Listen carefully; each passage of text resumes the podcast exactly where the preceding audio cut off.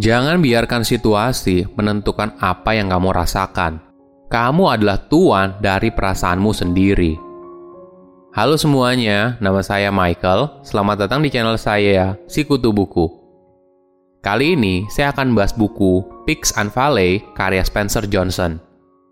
Sebelum kita mulai, buat kalian yang mau support channel ini agar terus berkarya, caranya gampang banget. Kalian cukup klik subscribe dan nyalakan loncengnya Dukungan kalian membantu banget supaya kita bisa rutin posting dan bersama-sama belajar di channel ini. Buku ini membahas soal bagaimana kita bisa melihat hidup dari sisi positifnya, seburuk apa pun yang terjadi dalam hidup kita. Buku ini ditulis oleh penulis yang sama dengan buku Who Moved My Cheese. Pigs and Valley memiliki pendekatan yang sama, yaitu menggunakan cerita fiksi untuk mengajarkan kita soal pelajaran hidup yang penting, bagaimana melihat titik yang tinggi dan titik yang rendah dalam hidup. Mungkin bagi sebagian orang, ini adalah pelajaran hidup yang umum. Tapi, kadang hal yang awalnya kita pikir adalah hal yang umum, ketika kita mendengarnya berulang-ulang, kita mungkin akan mendapatkan pencerahan baru atas pelajaran hidup tersebut. Saya merangkumnya menjadi tiga hal penting dari buku ini. Pertama, konsep puncak dan lembah. Cerita ini dimulai dari seorang pria yang tinggal di suatu lembah. Pria ini tidak puas pada hal apa pun yang terjadi dalam hidupnya. Dia merasa hidup yang dijalani membosankan dan monoton. Hidupnya di lembah membuat pria ini sering melihat puncak yang menjulang tinggi. Pemandangan ini memberikan dia semangat dan ketenangan. Pria ini punya impian untuk mendaki salah satu puncak. Walaupun begitu, impiannya banyak ditentang oleh keluarga dan temannya. Mereka bilang, buat apa harus ke puncak kalau hidup sudah nyaman di lembah? Namun suatu hari, pria ini memutuskan untuk mendaki. Perjalanan yang dia alami tidak mudah dan butuh perjuangan yang luar biasa. Hingga akhirnya pria itu berhasil berdiri di puncak gunung. Di sana, dia bertemu dengan seorang kakek yang tinggal di gunung.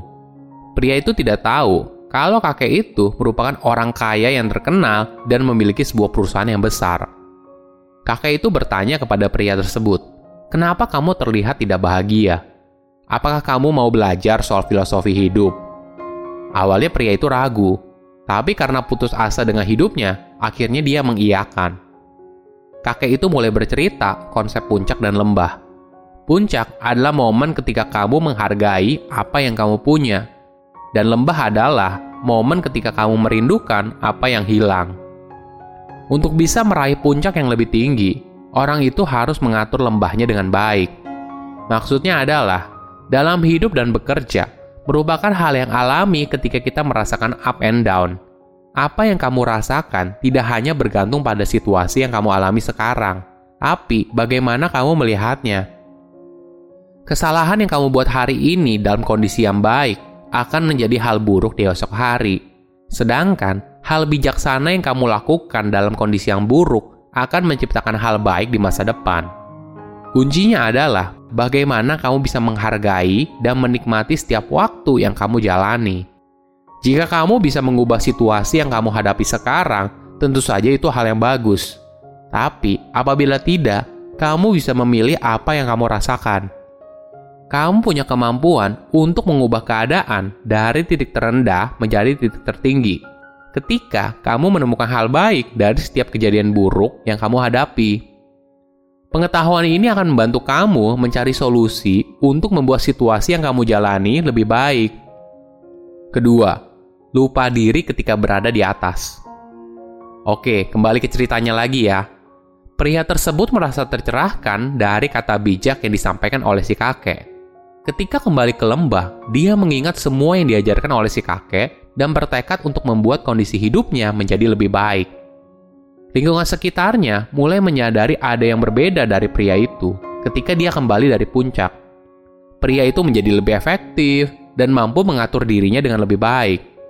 Hingga suatu hari, ada masalah datang di pekerjaannya. Sistem pengiriman perusahaannya mengalami error dan dampaknya mereka kehilangan satu paket penting yang harus dikirim ke konsumen terbesar mereka. Bukan hanya itu, mereka juga kehilangan paket yang lain. Pria ini lalu teringat apa yang diajarkan oleh si kakek dan berusaha untuk mencari hal baik yang tersembunyi dalam kejadian buruk untuk membuatnya menjadi lebih baik. Keesokan harinya, pria ini memberi saran kepada bosnya kalau krisis ini adalah kesempatan untuk perbaiki kesalahan dalam sistem mereka dan akan meningkatkan performanya di masa depan. Bosnya senang atas usulan dia, dan pria itu mendapatkan promosi jabatan. Ketika hidupnya semakin baik, pria itu menjadi sombong. Pelan-pelan, rekan kerjanya mulai menjauhi dia, dan bosnya mulai mengkritik hasil kerjanya. Pria itu coba berpikir bagaimana untuk memperbaiki situasi ini, tapi dia tidak menemukan solusinya Hingga akhirnya, pria ini memutuskan untuk kembali mendaki gunung untuk bertemu kakek yang bijaksana. Kadang, ketika orang semakin sukses, mereka lupa apa yang membuat mereka sukses. Kita bisa memiliki kejadian buruk yang lebih sedikit apabila kita menghargai dan menjaga hal baik dengan bijaksana.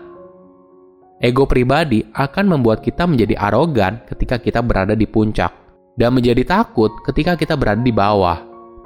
Ego ini menghalangi kita untuk melihat kenyataan yang sebenarnya.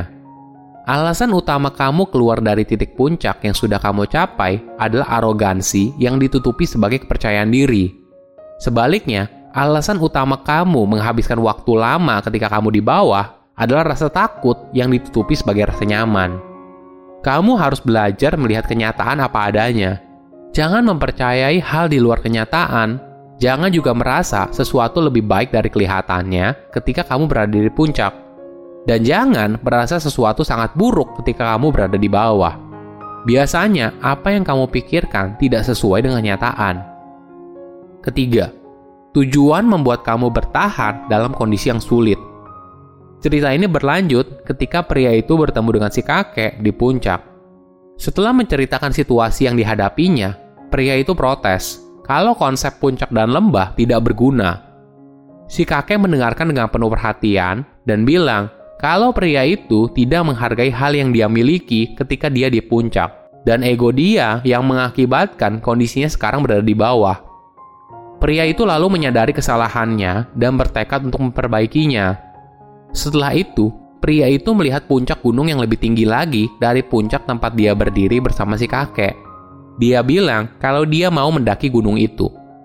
Si kakek memberi nasihat kalau perjalanan itu tidak mudah dan mengingatkan dia untuk mengikuti visi apa yang dia inginkan untuk mencapai tujuannya.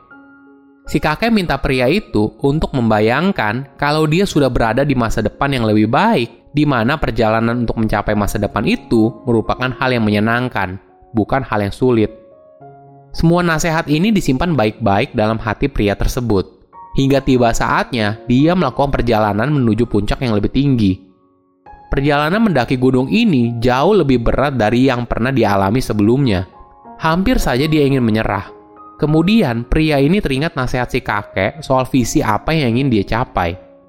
Pria ini membayangkan kalau dia sudah berada di puncak dan melihat pemandangan dari atas yang luar biasa. Visi ini memberikan dia semangat dan kekuatan untuk terus bertahan hingga akhirnya dia sampai ke puncak gunung itu. Di sini dia belajar untuk melawan rasa takutnya dalam mencapai kesuksesan yang lebih tinggi. Ketika dia kembali ke lembah, pria ini menjadi pribadi yang lebih baik. Hingga ketika ada krisis lagi di perusahaannya, pria ini berhasil mengatasi situasi dengan tenang dan perusahaan itu semakin sukses. Suatu hari, pria itu mendengar kabar kalau si kakek sudah meninggal. Pria itu sangat sedih namun, berusaha untuk membuat situasi dengan lebih baik, yaitu menghargai jasa si kakek yang telah membantu memberikan arahan bagi pria itu. Bertahun-tahun kemudian, pria ini kemudian menjadi tua dan menyebarkan filosofi puncak dan lembah agar orang lain juga bisa mendapatkan manfaat yang sama seperti yang pernah dialami sebelumnya.